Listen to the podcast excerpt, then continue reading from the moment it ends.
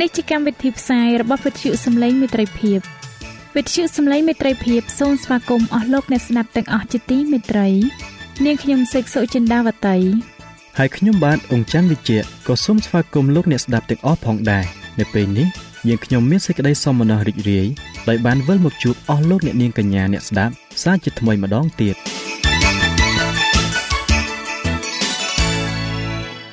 នាងខ្ញុំសេកសុចិន្តាវតី សូមជម្រាបជូនកម្មវិធីផ្សាយដែលមានជាបន្តបន្ទាប់ដូចតទៅនេតិបទទំនាយនិងប្រវត្តិសាស្ត្រនេតិស្ពានជីវិត ចា៎លោកអ្នកស្ដាប់ជាទីមេត្រី នាងខ្ញុំសូមគោរពអញ្ជើញអស់លោកលោកស្រី អ្នកនាងកញ្ញាតាមដានស្ដាប់កម្មវិធីផ្សាយរបស់វិទ្យុយើងខ្ញុំដូចតទៅ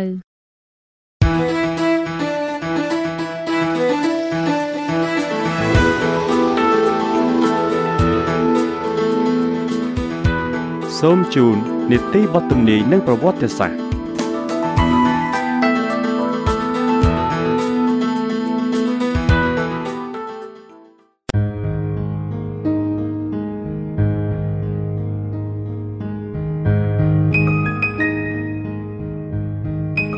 ខ្ញុំបាទសូមជម្រាបសួរដល់អស់លោកលោកស្រីនិងប្រិយមិត្តអ្នកស្ដាប់វិទ្យុសំឡេងមិត្តភាពជាទីមេត្រីសូមឲ្យអស់លោកអ្នកបានប្រកបដោយព្រះគុណនិងសេចក្តីសុខសាន្ត អំពីព្រះជាព្រះវរបិតានិងអំពីព្រះអម្ចាស់យេស៊ូវគ្រីស្ទតាមរយៈមេរៀននៅថ្ងៃនេះអស់លោកអ្នកស្ដាប់ជាទីមេត្រីខ្ញុំបាទមានអំណរដែលបានវិលមកជួបលោកអ្នកសាជាថ្មីម្ដងទៀតកាលពីចម្ពោះទី17លោកអ្នកបានស្ដាប់អំពីបទទំនាយនិងទីសម្គាល់ផ្សេងផ្សេងដែលប្រាប់ពីការយាងមករបស់ព្រះគ្រីស្ទបាទហើយនៅចម្ពោះទី18នៅថ្ងៃនេះវិញលោកអ្នកនឹងបានស្ដាប់អំពីពន្លឺថ្មី នៅលើដែនដីថ្មីអស់លោកអ្នកពិតជាបានជ្រាបហើយថាដែនដីថ្មី គឺមានឈ្មោះថាជាដែនដីនៃសេរីភាព គឺជាដែនដីមួយដែលមានសេរីភាពពេញលេញក្នុងការគោរពថ្វាយបង្គំព្រះគឺជាសហរដ្ឋអាមេរិកនាពេលបច្ចុប្បន្ននេះឯងនៅលើទឹកដីអាមេរិកនេះហើយមានបរិសម្នាក់ឈ្មោះថា William Miller លោកគឺជាអ្នកកំណែតម្រង់ថ្មីម្នាក់ទៀតព្រះជាម្ចាស់បានឲ្យលោកធ្វើកិច្ចការដែលពិសេសជាងអ្នកកែតម្រង់មុនមុនគឺតាក់ទងទៅនឹងការបកស្រាយបទទំនាយព្រះគម្ពីរដានីយ៉ែលនិងព្រះគម្ពីរវិវរណៈ សូមឲ្យអស់លោកអ្នកតាមដានស្ដាប់មើលថាតើការងាររបស់លោក មានភាពលំបាកឬមួយយ៉ាងណាដូច្នេះសូមឲ្យអស់លោកអ្នកតាមដានស្ដាប់ភាគទី1ដូចតទៅជនដែលព្រះបានជ្រើសរើសដើម្បីដឹកនាំក្នុងការប្រកាសផ្សាយអំពីការយាងមកជាលើកទី2របស់ព្រះគ្រីស្ទគឺជាកសិករស្មោះត្រង់និងប្រកបដោយកន្លងធម៌ម្នាក់ដែលចង់ដឹងសេចក្តីពិតយ៉ាងអស់ពីចិត្ត ដូចជាអ្នកកែតម្រង់ជាច្រើនទៀតដែរលោក William Miller បានប្រឡូកនឹងភាពទល់ក្រ និងបានរៀនពីមេរៀននៃការលះបង់ខ្លួនសូម្បីតែនៅក្នុងវ័យកុមារគាត់បានបង្ហាញកម្លាំងបញ្ញាខ្លាំងលើសពីធម្មតា នៅពេលដែលគាត់បានចម្រើនវ័យឡើងគាត់បានមានគំនិតរហ័សរហួននិងដុសជ្រះថ្លា ហើយក៏មានតម្រែកស្រេកឃ្លាន នៅចំណេះវិជ្ជាទៀតផង ការចូលចិត្តសិក្សា ការទម្លាប់គិតពិចារណា ដោយប្រយ័ត្នប្រយែងព្រមទាំងការរិះគន់ដ៏ពិតដាលបានធ្វើឲ្យគាត់ក្លាយជាមនុស្សមានយោបល់ជ្រៅជ្រះនិងមានទស្សនៈដ៏ទូលំទូលាយម្នាក់គាត់មានចរិតសម្បត្តិខាងសិលធម៌ដែលគ្មាននរណាម្នាក់អាចបន្ទោសបាន ហើយមានកិត្តិយសដ៏គួរឲ្យច្រណែនគាត់បានមានកិត្តិនាមល្អក្នុងតំណែងស៊ីវិលនិងយោធាទ្រព្យសម្បត្តិនិងកិត្តិយសហាក់បីដូចជារត់មករកគាត់តែម្ដង ក្នុងវ័យកុមារគាត់បានឆ្លងកាត់ឥទ្ធិពលសាសនា នៅក្នុងវ័យជំទង់គាត់បានចូលទៅក្នុងសង្គមពួកទេពនិយមដោយគេមានឥទ្ធិពលខ្លាំងព្រោះភាគច្រើនជាពលរដ្ឋល្អមានចិត្តអាណិតមេត្តានិងចេះជួយសង្គ្រោះគ្នាដោយរស់នៅក្នុងវិទ្យាស្ថានគ្រីស្ទៀនចរិតលក្ខណៈរបស់គេត្រូវបានកែច្នៃទៅតាមបរិយាកាសជុំវិញខ្លួនគេគុណសម្បត្តិដ៏ឧត្តមឧត្តមដែលធ្វើឲ្យគេគោរពគឺបានទទួលដោយសារព្រះគម្ពីរតែគេបានបង្វែរអំណោយទានដ៏វិសេសទាំងនេះដើម្បីបញ្ចេញឥទ្ធិពល ទាស់នឹងព្រះបន្ទូលរបស់ព្រះវិញ គេក៏បាននាំលោក William Miller ឲ្យជឿតាមមតិរបស់គេ ការបកស្រាយថ្មីថ្មីពីបទកម្ពីបានបង្ហាញ នៅភាគចម្លែកដែលមើលទៅទំនងជាដោះស្រាយពំបាន តែជំនឿថ្មីរបស់គាត់ក្នុងការដែលកំពុងតែទុកព្រះកម្ពីដោយឡែកគឺគ្មានផ្ដល់អ្វីប្រសើរជាងសោះហើយគាត់ក៏នៅតែមិនស្កប់ចិត្តប៉ុន្តែនៅពេលដែលលោក William Miller ចម្រើនអាយុបាន44ឆ្នាំ ព្រះវិញ្ញាណបរិសុទ្ធបានធ្វើឲ្យគាត់យល់នៅលក្ខណៈរបស់គាត់ថាជាអ្នកមានបាបគាត់បានស្វែងយល់ថាហូបពីសេចក្តីស្លាប់ទៅ គឺគ្មានការធានាថាគ្មានសុភមង្គលឡើយអនាគតមើលទៅស្រអាប់ហើយខ្មៅងងឹតស្ដីអំពីអារម្មណ៍របស់គាត់នៅគ្រានោះគាត់បានមានប្រសាសន៍ថាផ្ទៃមេឃបានដូចជាដែកទួងដែងនៅលើក្បាលខ្ញុំ ហើយផែនដីបានដូចជាដែកក្រោមជើងខ្ញុំ កាលណាខ្ញុំគិតខ្លាំងឡើងសេចក្តីសន្និដ្ឋានកាន់តែស្ថិត នៅពីពេញទីកន្លែង រកសម្រេចអ្វីមិនបានខ្ញុំខំឈប់គិតដែរតែពុំអាចទប់គំនិតខ្ញុំបាន ខ្ញុំបានទ្រុឌទ្រោមមែនតែនប៉ុន្តែមិនដឹងពីដើមហេតុខ្ញុំបានរអ៊ូនិងត្អូញត្អែប៉ុន្តែមិនដឹងត្អូញពីនរណាខ្ញុំដឹងថាមានកំហុសអ្វីមួយហើយប៉ុន្តែខ្ញុំមិនដឹងជារកកែប្រែយ៉ាងណាទេលោកមីលឺបានមានប្រសាសន៍ទៀតថាមួយរំពេចនោះ ចរិតលក្ខណៈនៃព្រះអង្គសង្គ្រោះបានផ្ដោតនៅក្នុងចិត្តខ្ញុំយ៉ាងច្បាស់ទំនងដូចជាមានបុគ្គលមួយអង្គដែលល្អថ្លៃថ្លាពិសេសនិងប្រកបដោយសេចក្តីអាណិតមេត្តាហើយលះបង់អំពើល្មើសរបស់យើង មកដាក់នៅលើអង្គទ្រង់ប្រយោជន៍ឲ្យយើងបានរួចពីការទទួលពិន័យនៃអំពើបាបប៉ុន្តែសំណួរបានលេចឡើងថាធ្វើដូចម្ដេចអាចបញ្ជាក់ថាមានបុគ្គលដូចនេះបាន ក្រៅពីព្រះគម្ពីរខ្ញុំដឹងថាมันអាច រកភ័ស្តុតាងថាមានព្រះអង្គសង្គ្រោះដូចនេះទេឬសំបីតែនៅឯបរលោកនាយក៏គ្មានផងខ្ញុំបានដឹងថាព្រះគម្ពីរបានលើកសម្ដែង នៅព្រះអង្គសង្គ្រោះដោយខ្ញុំត្រូវការហើយខ្ញុំបានធុញថប់នៅក្នុងចិត្តដោយពុំយល់ថាហេតុអ្វីបានជាសិភៅដែលគ្មានវិញ្ញាណសន្ធិដ្ឋមានគោលការណ៍ដែលសមនឹងផែនដីដែលពោពេញទៅដោយបាបកម្មនេះខ្ញុំមិនហ៊ានសារភាពថាព្រះគម្ពីរគឺជាការបើកសម្ដែងមកពីព្រះបទគម្ពីរទាំងនោះ បានជាទីរីករាយចិត្តហើយនៅក្នុងព្រះគ្រីស្ទខ្ញុំមានមិត្តសម្លាញ់ម្នាក់ចំពោះខ្ញុំព្រះអង្គសង្គ្រោះគឺជាព្រះដ៏ឧត្តមឧត្តមបំផុតនៅក្នុងចំណោមមនុស្សរាប់ពាន់នាក់ចំណែកឯបទកម្ពីវិញ ដែលពីដើមពិបាកយល់ហើយផ្ទុយគ្នានោះឥឡូវនេះបានคล้ายទៅជាជាងដល់ជើងខ្ញុំ និងជាពន្លឺបំភ្លឺផ្លូវរបស់ខ្ញុំខ្ញុំបានរកឃើញព្រះដ៏ជាអម្ចាស់ជាថ្មដានៅក្នុងកណ្ដាលមហាសកលនៃជីវិតខ្ញុំ ឥឡូវនេះព្រះគម្ពីរបានคล้ายទៅជាមេរៀនមួយដ៏ធំចំពោះខ្ញុំហើយខ្ញុំអាចនិយាយដោយស្មោះត្រង់ថាខ្ញុំបានសិក្សាដោយអំណាចជាខ្លាំងខ្ញុំបានឆ្ងល់ថាហេតុអ្វីបានជាមិនបានឃើញសុភនភាពនិងសេរីល្អកាលពីមុន ហើយក៏នឹកកោតថាចេះតែបដិសេធចោលទៅកើតកាលពីកាលនោះខ្ញុំលែងមានចិត្តចង់អានអ្វីៗផ្សេងទៀតទាំងអស់ហើយតាំងចិត្តក្រេបយកប្រាជ្ញាពីព្រះវិញលោក William Miller បានបង្ហាញជំនឿរបស់គាត់នៅក្នុងទីសាធារណៈប៉ុន្តែមិត្តភ័ក្តិរបស់គាត់ដែលមិនជឿបានលើកមកនៅចំណុចទាំងនោះដែលខ្លួនគាត់ផ្ទាល់បានជំទាស់នឹងព្រះគម្ពីរជាញយញយគាត់បានវែកញែកថាបើព្រះគម្ពីរជាការបើកសម្ដែងមកពីព្រះនោះត្រូវតែមានការស្របគ្នាគាត់បានតាំងចិត្តសិក្សាបទគម្ពីរហើយរកមើលថាតើសេចក្តីផ្ទុយគ្នាទាំងប៉ុន្មានដែលអាចសម្របគ្នាបានឬមិនបាន ដោយទុកសព្វនីអធិប្បាយចោលដោយឡែកគាត់បានផ្ទៀងបទគម្ពីរមួយនិងបទគម្ពីរមួយទៀតដោយប្រើខយោងនៅក្បែរសន្លឹកនិងមេពាក្យជាជំនួយ ចាប់ពីព្រះគម្ពីរលោកុបាតដោយអានម្ដងមួយខម្ដងមួយខហើយកាលបើឃើញអ្វីមិនច្បាស់គាត់បានផ្ទៀងជាមួយខផ្សេងទៀតដែលស្ដីអំពីប្រធានបទដដែលដដែលតាមទម្លាប់គាត់ពាក្យនីមួយៗនៅក្នុងប្រយោគគឺសំខាន់ទាំងអស់ ម្ល៉េះហើយកាលណាគាត់ប្រទះឃ្លាដែលពិបាកយល់គាត់រកចម្លើយនៅក្នុងផ្នែកផ្សេងទៀតនៃបទកម្ពីគាត់បានសិក្សាដោយការអធិដ្ឋានជាខ្លាំងដើម្បីសូមនៅការយល់ដឹងអំពីព្រះហើយបានពិសោធន៍សេចក្តីពិតនៃការផ្លងរបស់កវីទំនុកដំកើងដែលបានចែងថាការបើកសម្ដែងព្រះបន្ទូលរបស់ទ្រង់នោះផ្សាយពន្លឺចេញក៏ធ្វើឲ្យមនុស្សឆោតល្ងងមានយោបល់ព្រះគម្ពីរទំនុកដំកើងចំពុកទី119ខ130 គាត់បានសិក្សាព្រះគម្ពីរដានីយ៉ែលនិងព្រះគម្ពីរវិវរណៈដោយចំណងយ៉ាងខ្លាំងហើយបានយល់ថានិមិត្តរូបទាំងឡាយដែលបានតាក់ទងត្រង់បទទំនាយនឹងអាចយល់បានគាត់បានយល់ថាអស់ទាំងរូបភាពពាក្យប្រៀបធៀបនិងភាពដូចគ្នាឡាក់គឺបញ្យល់នៅខបន្តបន្ទាប់ឬមាននិយមន័យនៅខផ្សេងទៀតហើយការទាំងនេះគឺសម្រាប់ឲ្យបានយល់តាមតែសេចក្តីដែលចែងមក ការខិតខំរបស់គាត់បានទទួលមកវិញ នៅការរីកចម្រើនមួយកម្រិតម្ដងមួយកម្រិតម្ដងគាត់បានតាមដាន ដោយសន្សំសន្សំនៅខ្សែបទទំនាយដ៏សំខាន់ពួកទេវតានៃនគរស្ថានសួគ៌បានណែនាំគំនិតរបស់គាត់គាត់បានយល់ថាទស្សនៈដែលគេនិយមស្ដីអំពីរយៈពេល1000ឆ្នាំនៅផែនដីមុនទីបំផុតនៃពិភពលោក គឺពុំបានគ្រប់គ្រងដោយព្រះបន្ទូលរបស់ព្រះទេគោលលទ្ធិនេះដែលចង្អុលនៅឯសន្តិភាព1000ឆ្នាំមុនការយាងមករបស់ព្រះអម្ចាស់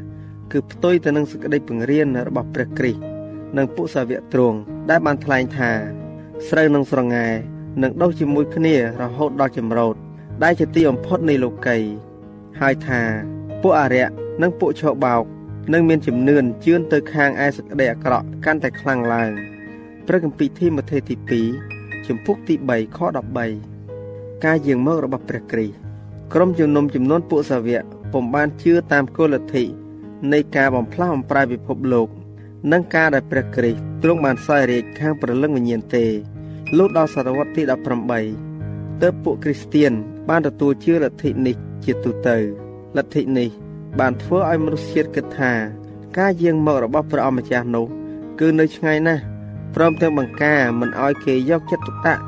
នឹងទីសម្គាល់ទាំងឡាយដែលប្រាប់ពីការយាងមករបស់ទ្រង់ផង វាបានធ្វើឲ្យមនុស្សជាច្រើនខ្ជិលខ្ជា ឥតរៀបចំខ្លួនចាំជួបព្រះអម្ចាស់របស់ខ្លួនឡើយលោក William Miller បានយល់អំពីការយាងមករបស់ព្រះគ្រីស្ទដោយដែលបានបង្រៀនយ៉ាងច្បាស់នៅក្នុងបទគម្ពីរព្រះអម្ចាស់ទ្រង់នឹងយាងចុះពីស្ថានសួគ៌មកដោយស្រែកបង្គាប់តែមួយព្រះអស់ទាំងមានលឺសំឡេងមហាទេវតានិងត្រែរបស់ទ្រង់ផង គេនឹងឃើញកូនមនុស្សមកពីលើពពកនៅលើមេឃទាំងមានប្រជាស្ដាននិងសេរីល្អជាខ្លាំង ព្រោះដំណើរដែលកូនមនុស្សលេចមកនោះនឹងបានដូចជាផ្លេកបន្ទោលដែលភ្លឺផ្លេកផ្លេកពីទិសខាងកើតដល់ទិសខាងលិចដែរកូនមនុស្សនឹងមកនៅក្នុងស្រីល្អលោក មានទាំងពួកទេវតាបរិសុទ្ធទាំងអស់គ្នា ហើយលោកនឹងចាត់ទេវតារបស់លោកឲ្យមកដោយសូរផ្លុំត្រែជាខ្លាំងទេវតាទាំងនោះនឹងប្រមូលពួករស់តាំងរបស់លោក នៅពេលដែលទ្រង់យាងមកពួកអ្នកស្លាប់ដែលសុចរិតនឹងត្រូវបានលើកឡើងបើអ្នកសុចរិតដែលនៅរស់ នឹងត្រូវបានបំផ្លាស់បំប្រែ យើងទាំងអស់គ្នាមិនដេកលក់ទេ តែទាំងអស់គ្នានឹងបានបំផ្លាស់បំប្រែក្នុងមួយប្រព្រឹត្តភ្នែកវិញ គឺក្នុងមួយប្រព្រឹត្តភ្នែកតែប៉ុណ្ណោះក្នុងការដែលលឺសូរត្រែក្រោយបង្អស់ត្បិតត្រែនឹងលឺឡើងមែននោះពួកស្លាប់នឹងរស់ឡើងវិញ មិនពុករលួយទៀតឡើយរួចយើងរាល់គ្នានឹងបានផ្លាស់ប្រែទៅត្បិតត្រូវតែរូបកាយដ៏ពុករលួយនេះ បានប្រដាប់ដោយសេចក្តីមិនពុករលួយវិញ ហើយរូបកាយដែលរមែងស្លាប់នេះត្រូវតែប្រដាប់ដោយសេចក្តីដែលមិនចេះស្លាប់វិញដែរពួកស្លាប់នៅក្នុងព្រះគ្រីស្ទនឹងរស់ឡើងវិញជាមុនបង្អស់រួចយើងរាល់គ្នាដែលកំពុងតែរស់នៅក៏នឹងបានលើកឡើងទៅក្នុងពពកជាមួយគ្នាទាំងអស់ដើម្បីឲ្យបានជួបជុំនឹងព្រះអម្ចាស់នៅលើអាកាសយ៉ាងនោះយើងនឹងនៅជាមួយនឹងព្រះអម្ចាស់ជារៀងដរាបទៅព្រះគម្ពីរកូរិនថូសទី1ចំពុកទី15ខ51ដល់53 ព្រះគម្ពីរថេសាឡូនីកទី1ចំពុកទី4ខ16និងខ17មនុស្សក្នុងសន្តានធម្មតារបស់គេ គឺរមែងស្លាប់នឹងពុករលួយឯនគររបស់ព្រះវិញ គឺនឹងមិនចេះពុករលួយឡើយដូច្នេះហើយបានជាមនុស្សដែលមានសន្តានធម្មតានេះមិនអាចនឹងចូលទៅក្នុងនគរព្រះបានទេ នៅពេលដែលព្រះយេស៊ូវបានយាងមកទ្រង់នឹងផ្ដល់អមតភាពដល់រាជរបស់ទ្រង់ហើយបន្ទាប់មកទ្រង់បានហៅពួកគេឲ្យក្រងនគរស្ថានសួគ៌ ដែលជាមរតករបស់គេ រហូតមកដល់ឥឡូវនេះ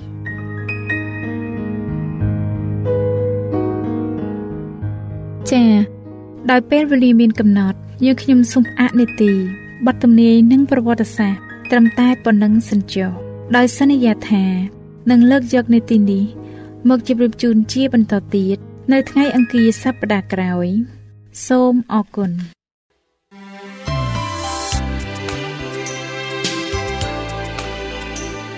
វិទ្យុសំឡេងមេត្រីភាព AWR ជាវិទ្យុដែលនាំមកពីក្នុងការនាំព្រះរាជសាររបស់ព្រះជាម្ចាស់សម្រាប់លោកអ្នក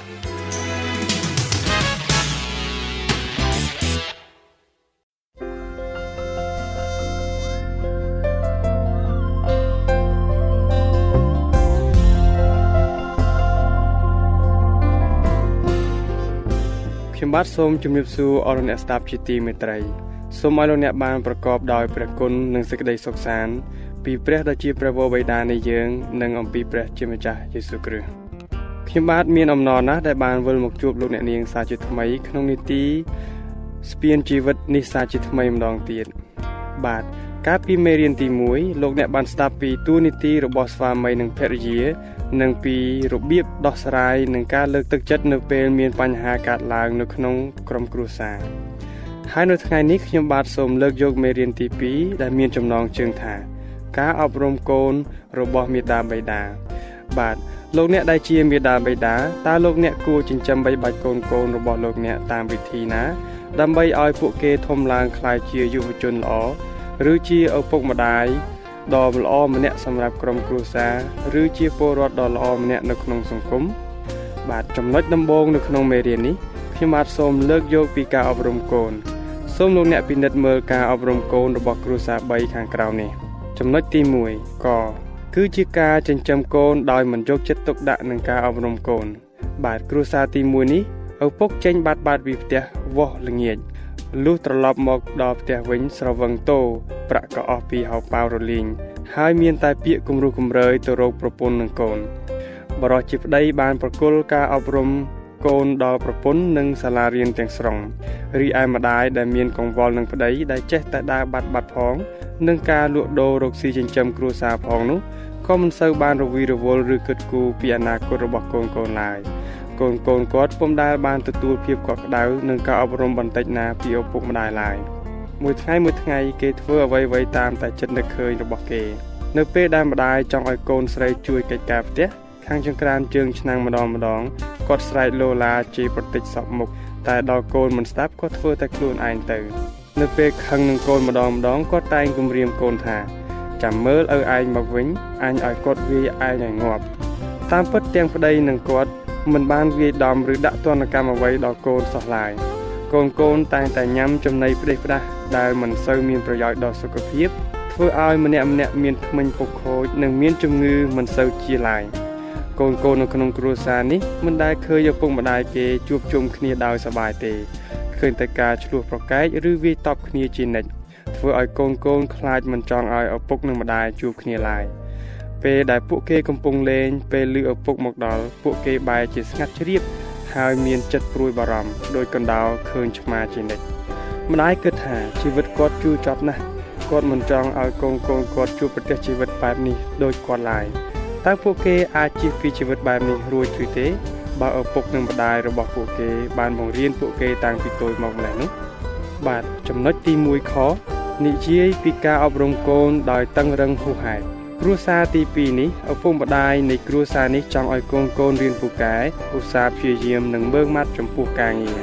ព្រោះគាត់ចង់ឲ្យកូនកូនមានអនាគតល្អនិងមានទ្រព្យសម្បត្តិច្រើនដើម្បីឲ្យគាត់អាចពឹងពាក់និងរស់នៅជាមួយបាននៅពេលដែលគាត់ចាស់ទៅ ដោយហេតុនោះហើយទើបឪពុកម្ដាយប្រដៅកូនដូចជាមេបញ្ជាការទាហាន ឬបង្គាប់ឲ្យធ្វើនេះឲ្យធ្វើនោះហើយគ្មានសិទ្ធិនឹងប្រកែកឬតវ៉ាបានឡើយធ្វើដូច្នោះកូនកូនមានការភ័យខ្លាចយ៉ាងខ្លាំងព្រោះបើគេមិនធ្វើតាមឪពុកពួកគេនឹងត្រូវគាត់វាយដោយកំហឹងជួនកាលរហូតដល់មានស្នាមជួមឬបាយឈាមក៏មាន ចំណែកឯម្ដាយវិញវាយកូនដោយសត្វធាតទាំងកំហឹងនិងមានពាក្យសម្ដីគំរោះគំរើយជេរប្រតិចដាក់បណ្ដាសាឥតឈប់ឈរ នៅពេលដែលកូនកូនធ្វើអ្វីខុសបន្តិចបន្តួចគាត់តែងស្ដីថាពួកឯងនេះគ្មានបានការអីបន្តិចណាសោះអញនឹងដេញក្បាលពួកឯងចេញពីផ្ទះទាំងអស់គ្នាបើពួកឯងមិនកែខ្លួនទេឯនាងជាម្ដាយក៏ខ្លាចប្តីគាត់ញ័រដែរព្រោះលោកប្តីគាត់តែងតែសំណត់និងកំហោកកំហែងដាក់ប្រពន្ធជានិច្ចដូច្នេះទាំងម្ដាយទាំងកូនស្ដាប់បង្គាប់ឪពុកឲ្យត្រង់កន្ទុយដោយការភ័យខ្លាចប៉ុណ្ណោះបាទគឺចំណុចចុងក្រោយគឺជាចំណុចទី1គោ ដែលនិយាយអំពីការអប់រំកូនដោយចំណាយពេលវេលាជាមួយកូន និងដោយសេចក្តីស្រឡាញ់និងភាពត្រឹមត្រូវគ្រួសារទី3នេះជាគ្រួសារមួយដែលឪពុកម្ដាយយល់ថា ការស្ដាប់បង្គាប់ជាការសំខាន់សម្រាប់កូនកូនទើបគាត់ត្រូវតែវឹកវើគេឲ្យធ្វើនៅអ្វីដែលត្រូវគាត់បានចំណាយពេលជាមួយកូនទាំងតូចទាំងធំដើម្បីនិយាយរឿងប្រាប់ពួកគេ និងបង្ហាត់ពួកគេឲ្យធ្វើកិច្ចការពិបាកពិបាក ហើយនៅពេលដែលពួកគាត់ឲ្យកូនធ្វើអ្វីមួយគាត់សង្ឃឹមថាពួកគេនឹងស្ដាប់បង្គាប់តែបើពួកគេមិនធ្វើតាមគាត់នឹងបង្ហាញពីលទ្ធផលនៃការមិនស្ដាប់បង្គាប់នោះដូចជាបើម្ដាយឲ្យកូនលាងចាន ហើយបើកូនមិនធ្វើតាម គឺពួកគេមិនអាចញ៉ាំបាយបានទេដរាបណាបានលាងចានរួចសិនគាត់ដាក់ទណ្ឌកម្មកូនមិនមែនដោយសារគេធ្វើខុសនោះទេប៉ុន្តែដើម្បីបង្រៀនពួកគេវិញជួនកាលម្ដាយបានវាយកូនខ្លះដែរ តែវាយប្រដៅដើម្បីបំបត្តិនៅភាពរឹងទទឹង ឬដើម្បីឲ្យចងចាំនៅអ្វីមួយ មិនមែនវាយដោយកំហឹងរហូតដល់មានស្នាមរបួសនោះទេ នៅពេលដែលឪពុកម្ដាយសន្យាថានឹងធ្វើអ្វីមួយគាត់តែងតែធ្វើមិនដែលខានឡើយគ្រួសារនេះតែងតែចំណាយពេលធ្វើការជុំគ្នាដើរកំសាន្តជាមួយគ្នានិងបរិភោគអាហារជួបជុំគ្នាយ៉ាងសប្បាយរីករាយពួកគេទាំងអស់គ្នាមានសុខភាពល្អគ្រប់គ្នា ដោយគេបានជ្រើសរើសចំណីអាហារល្អល្អមកបរិភោគដូចជា មិនប្រើស្ករសាច់ឬខ្លាញ់ច្រើនហួសហេតុនិងមិនត្រូវប្រើប៊ីចេងជាដើមពួកគេស្រឡាញ់គ្នាណាស់កូនស្ដាប់បង្គាប់ឪពុកម្ដាយដោយស្រឡាញ់ឪពុកម្ដាយស្ដីប្រដៅណែនាំកូនចៅដោយស្រឡាញ់និងមើងម៉ាត់បាទតើលោកអ្នកចូលចិត្តគ្រួសារមួយណា ចំណុចកគឺជាការចិញ្ចឹមកូនដោយមិនយកចិត្តទុកដាក់នឹងការអប់រំកូន ចំណុចខ ការអប់រំកូនដោយតឹងរឹងហួសហេតុនិងចំណុចគគឺនិយាយពីការអប់រំដោយភាពត្រឹមត្រូវនិងដោយសេចក្តីស្រឡាញ់ហើយតើលោកអ្នកចង់រស់នៅក្នុងគ្រួសារមួយណាសពថ្ងៃនេះមានឪពុកម្ដាយជាច្រើន ដែលកំពុងជួបប្រទះបញ្ហាកូនមិនស្ដាប់បង្គាប់តើគ្រួសារលោកអ្នកបងប្អូនលោកអ្នកមានអ្នកណាដែលមិនស្ដាប់បង្គាប់ឪពុកម្ដាយឬទេ យើងខ្ញុំនឹងពិនិត្យមើលនៅរបៀបដែលព្រះគម្ពីរបានលើកទឹកចិត្តដល់ឪពុកម្ដាយទាំងឡាយឲ្យចេះអប់រំកូនឲ្យបានល្អដូចខាងក្រោមបាទចំណុចទី2នេះនិយាយពីការអប់រំកូនជាទូនីតិចាំបាច់របស់ឪពុកម្ដាយលោកអ្នកធ្លាប់ឮទេពាក្យថាពុទ្ធឫស្សីតន់នៅខ្ចីប្រដៅកូនតន់នៅក្មេងឬថាដំដៃតន់នៅក្តៅប្រដៅមនុស្សតន់នៅក្មេងតែយើងឃើញមានគ្រួសារខ្លះពុំសូវដែលបានបង្រៀនកូន កាលដែលគេនៅក្មេងនោះទេ ដោយមានគំនិតថា បើវាប្រុងនឹងដុះនោះមិនចាំបាច់ប្រឹងស្រោចទឹកទេចាំដល់ពេលវាចូលសាលារៀននោះវានឹងដឹងខុសត្រូវហើយតែតាមក្បួនគរុកសលបានឲ្យដឹងថា ការដែលឪពុកម្ដាយអប់រំមុនពេលចូលសាលា គឺជាការប្រសើរបំផុតដូច្នេះសូមលោកអ្នកជាឪពុកម្ដាយឬអាណាព្យាបាលកុំបណ្ដោយឲ្យពេលវេលាកន្លងហួសដោយគិតថា ចាំកូនមានអាយុប៉ុណ្ណេះប៉ុណ្ណោះនោះឡើយ ព្រោះតាមបទពិសោធន៍ខាងការអប់រំបង្ហាញថាក្មេងអាយុកាន់តែច្រើនកាន់តែពិបាកបង្រៀននិងថាក្មេងអាចរៀនពីអ្វីដែលគេបានឃើញច្រើនជាងអ្វីដែលគេបានឮដូចជាខ្មែរយើងធ្លាប់និយាយថាឮ10ដងមិនស្មើនឹងឃើញម្ដងដូច្នេះបើលោកអ្នកចង់ឲ្យកូនលោកអ្នកបានល្អសូមកុំបង្ហាញវានៅអ្វីដែលមិនល្អនោះឡើយសូមលោកអ្នកគិតមើលគ្រួសារទី1មិនចង់ឲ្យកូនមានការឆ្លោះប្រកែកនៅក្នុងគ្រួសារទេ តែបើឪពុកម្ដាយបង្ហាញតែពីការឆ្លោះប្រកែកគ្នាតាំងពីវានៅក្នុងពោះមកនោះតើកូននោះអាចចេះទប់ចិត្តនិងស្លូតបូតបានដោយរបៀបណាដោយយើងធ្លាប់និយាយថា ស្លឹកឈើជ្រុះមិនដែលឆ្ងាយពីគល់ឡើយមានន័យថាកូនវារៀនពីអ្វីដែលវាបានឃើញឪពុកម្ដាយវាធ្វើដូច្នេះសូមលោកអ្នកកុំសង្ឃឹមថាកូនលោកអ្នកអាចទៅជាល្អបាននោះឡើយប្រសិនបើលោកអ្នកបង្ហាញគេតែគំរូអាក្រក់ឬនិយាយតែពាក្យមិនពីរោះស្ដាប់ឲ្យវាឮនោះ សូមលោកអ្នកកុំខំយកជើងធាក់ឈ្នន់កង់ដោយដៃចាប់ហ្វ្រាំងនោះឡើយយើងសូមជូនឧទាហរណ៍ខ្លះៗនៅអ្វីដែលលោកអ្នកគួរធ្វើ និងអ្វីដែលលោកអ្នកមិនគួរធ្វើប្រសិនបើលោកអ្នកចង់ឲ្យកូនលោកអ្នកស្លូតបូតនិងមានអាកប្បកិរិយាល្អពាក្យសម្ដីសមរម្យលោកអ្នកដែលជាឪពុកម្ដាយត្រូវបង្ហាញនៅសេចក្តីសប្បុរសដល់ពួកគេ ដោយមិនស្រែកគំហកដាក់គ្នាឬវាយតប់គ្នាឡើយ ប្រសិនបើលោកអ្នកចង់ឲ្យកូនលោកអ្នកស្មោះត្រង់លោកអ្នកត្រូវតែបង្ហាញពីការស្មោះត្រង់នោះដល់ពួកគេដែរគឺកុំកុហកពួកគេដូចជាប្រាប់ពួកគេថាបើកូនធ្វើនេះប៉ានឹងឲ្យរបស់នោះដល់កូនដូច្នេះនៅពេលដែលកូនធ្វើតាមហើយឪពុកម្ដាយត្រូវតែឲ្យពួកគេជាពុំខានប្រសិនបើអ្នកចង់ឲ្យកូនបានឈ្នះនៅអំពើអាក្រក់ណាមួយ លោកអ្នកត្រូវតែបង្ហាញគេឲ្យឃើញថាព្រះអាចជួយពួកគេឲ្យឈ្នះបាន និងបង្ហាញពីការអត់ទោសរបស់ព្រះដល់គេនិងសូមអធិដ្ឋានឲ្យពួកគេលឺបើលោកអ្នកចង់ឲ្យកូនមានសេចក្តីស្រឡាញ់អត់ធ្មត់សប្បុរសលះបង់និងមានចិត្តល្អក្នុងការជួយអ្នកដទៃនោះលោកអ្នកត្រូវតែបង្ហាញនៅសេចក្តីទាំងនេះឲ្យកូនឃើញ ដូចជាស្រឡាញ់ប្តីប្រពន្ធចេះជួយដល់កូនកូននិងអ្នកដទៃជាដើម ប្រសិនបើលោកអ្នកចង់ឲ្យកូនកូនលោកអ្នកចេះសុំទោសនៅកំហុសរបស់គេឬអរគុណនៅអំពើល្អណាមួយលោកអ្នកត្រូវតែនិយាយថាសុំទោសទៅកាន់ប្តីឬប្រពន្ធឬទៅកាន់កូនរបស់អ្នកនៅពេលដែលអ្នកបានធ្វើខុសអ្វីមួយនិងនិយាយថាអរគុណកាលណាកូនឬប្តីប្រពន្ធលោកអ្នកបានធ្វើអ្វីល្អឬឲ្យអ្វីមួយដល់លោកអ្នកយើងដឹងហើយថាលោកអ្នកជាឪពុកម្ដាយពិតជាស្រឡាញ់កូនរបស់លោកអ្នកណាស់ ហើយតែងតែព្រួយបារម្ភចំពោះអាកប្បកិរិយា និងអត្តចរិតរបស់កូនទៅអនាគតជានិច្ចដូច្នេះបើលោកអ្នកតឹងពេកកូនមិនសប្បាយចិត្តតែបើធូរពេកពួកគេអាចនឹងខូចនេះជាបញ្ហាដ៏ពិបាកសម្រាប់លោកអ្នកជាពិសេសចំពោះគ្រួសារដែលមានកូនតែមួយ ឬក៏កូនប្រុសឬកូនស្រីតែមួយតាមការពិសោធន៍របស់អ្នកសម្របសម្រួលគ្រួសារបានបង្ហាញថាឪពុកម្ដាយត្រូវតែមើងម៉ាត់និងស្រឡាញ់ចំពោះកូន ហើយការណែនាំកូនត្រូវតែធ្វើឡើងដោយស្របគ្នាជាមួយឪពុកនិងម្ដាយគឺបើម្ដាយឲ្យធ្វើយ៉ាងនោះឪពុកមិនត្រូវកាន់ជើងកូនឡើយបាទចំណុចទី3និយាយពីការអប់រំកូនតាមព្រះគម្ពីរតើព្រះគម្ពីរផ្ដល់ដំបូន្មានយ៉ាងណាខ្លះដល់លោកអ្នកជាឪពុកម្ដាយបាទចំណុចទី3កនិយាយពីការអប់រំកូនតាំងពីក្មេងមកយើងដឹងថាការអប់រំដោយមិនប្រុងប្រយ័ត្នអាចនាំឲ្យកូនយើងខូចអាក្រក់បាន ដូច្នេះវាជាការសំខាន់បំផុតដែលលោកអ្នកត្រូវទទួលខុសត្រូវក្នុងការអប់រំកូនដោយខ្លួនឯងព្រះគម្ពីរសុភាសិតចំពោះទី22ខ6បានបង្រៀនថាចូលបង្ហាត់បង្រៀនកូនក្មេងឲ្យប្រព្រឹត្តតាមផ្លូវដែលគួរប្រព្រឹត្តនោះវានឹងមិនបោះបង់ពីផ្លូវនោះដល់រាបដល់ចាស់ខួរក្បាលក្មេងៗឆាប់ចាប់បានជាងមនុស្សចាស់ឆ្ងាយណាស់ពួកគេអាចរៀន4ឬ5ភាសាក្នុងពេលតែមួយបាន ហើយវ័យដែលល្អបំផុតរបស់ វាក្នុងការរៀនសូត្រនោះគឺក្នុងកំឡុងអាយុពី1ទៅ5ឆ្នាំ ជាពិសេសក្នុងការទទួលការអប់រំផ្នែកសិលធម៌និងការលូតលាស់ខាងអត្តចរិតឬបុគ្គលិកលក្ខណៈតែបើលោកអ្នករងចាំឲ្យកូនលោកអ្នកចូលសាលាទើបអប់រំពួកគេ នោះវ័យសំខាន់សម្រាប់ការទទួលការអប់រំរបស់ពួកគេបានកន្លងផុតបាត់ទៅហើយមិនខុសពីឫស្សីដែលចាស់គល់ហួសហើយទើបបានពុតនោះទេ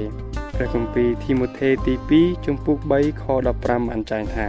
តាំងពីក្មេងតូចមកអ្នកបានស្គាល់បទគម្ពីរទាំងប៉ុន្មានដែលអាចនឹងនាំឲ្យអ្នកមានប្រាជ្ញាដល់ទីសង្គ្រោះដែលបានដោយសារសេចក្តីជំនឿជឿដល់ព្រះយេស៊ូវគ្រីស្ទផងនេះជាផែនការរបស់ព្រះសម្រាប់ក្មេងៗទាំងឡាយក្នុងការសិក្សាព្រះបន្ទូលរបស់ទ្រង់តាំងពីគេនៅតូចតូចតាមរយៈរឿងឬច្បាប់របស់ព្រះនៅក្នុងព្រះគម្ពីរដើម្បីឲ្យពួកគេអាចប្រឈមមុខបានចំពោះ សេចក្តីល្បួងនៅពេលដែលពួកគេមានវ័យធំឡើងខួរក្បាលក្មេងហាក់ដូចជាដីយ៉ាងល្អដែលស្មៅឆាប់ដុះជាងដំណាំល្អល្អហើយបើយើងចង់ដកស្មៅចេញមិនត្រូវទុកឲ្យស្មៅនោះដុះធំឬមានផ្លែផ្កាទេបើពុំដូច្នោះទេ ស្មៅនឹងរួបដំណាំមិនឲ្យល្អបានទេយ៉ាងណាមិញបើលោកអ្នកចង់ដកយកអំពើបាបចេញពីកូនចៅរបស់លោកអ្នកដើម្បីឲ្យคลายជាកូនល្អម្នាក់ ជាពិសេសឲ្យដូចជាជីវិតរបស់ព្រះយេស៊ូវនោះសូមប្រញាប់ឡើងតនអំពើបាបទាំងនោះនៅតូចនៅឡើយបាទអស់លោកអ្នកស្ដាប់ជាទីមេត្រី ពេលវេលានៃនីតិស្ពានជីវិតរបស់យើងបានមកដល់ទីបញ្ចប់ហើយខ្ញុំបាទនឹងវិលមកជួបលោកអ្នកនាងម្ដងទៀតនៅក្នុងនីតិរបស់យើងលើកក្រោយដោយនាំយកនៅភាគ2នៃមេរៀនដដែលនេះមកជូនលោកអ្នកនាងស្ដាប់ជាបន្តទៀតបាទដូច្នេះសូមព្រះជាម្ចាស់ប្រទានពរដល់អស់លោកអ្នកបងប្អូនទាំងអស់គ្នា សម្រាប់ពេលនេះខ្ញុំបាទធនធានសូមអរគុណនិងសូមជម្រាបលា thank you